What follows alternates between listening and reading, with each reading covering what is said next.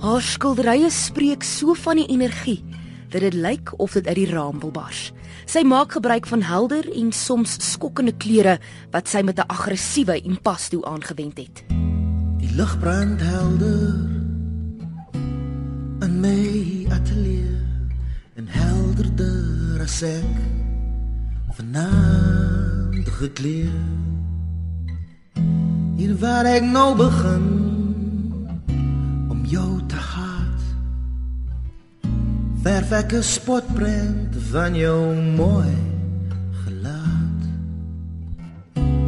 Verf ek jou as circus harlekin. Maar so jou oë dromerig verskyn. So beskryf 'n kunskenner die Suid-Afrikaanse kunstenaar Irma Steyn se werk. Irma is in 1894 op Swazirenike gebore. Sy het dikwels saam met haar Duits-Joodse ouers gereis na Duitsland. Dit is hier waar sy haar kunsopleiding in 1914 voltooi het, ten spyte van die Eerste Wêreldoorlog wat uitgebreek het. Irma raak bevriend met die Duitse kunstenaar Max Pechstein en word blootgestel aan die Duitse ekspresionisme. Tog het sy deur die sterk invloed haar eie styl ontwikkel en met die hulp van Pechstein in 1919 haar eerste solo kunsuitstalling in Berlyn gehou.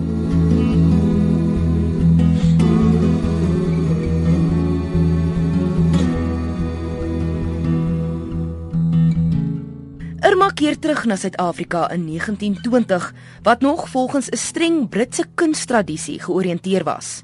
Haar eerste kunsuitstalling tuis was 'n fiasco, met kritici wat haar daarvan beskuldig het dat sy nie kan skilder nie en dat sy doelbewus die publiek wil skok.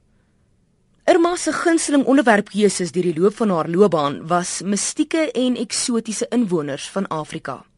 Eers na groot sukses in die buiteland is sy deur die Suid-Afrikaners geloof vir haar talent. Irma het 'n groot bydrae tot die ontwikkeling van die moderne stroming in die Suid-Afrikaanse kuns gelewer. As hierdie masker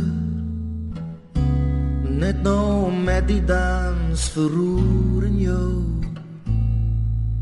Nie heeltemal verskans. So ek jou uitwerp in die straat maar in die nana hierdie ateljee verlaat Sy wen in 1952 die Molteno toekenning, in 1960 die nasionale toekenning van die Guggenheim Stichting en in 1963 die Oppenheimer toekenning. Sy is oorlede 23 Augustus 1966 in Kaapstad.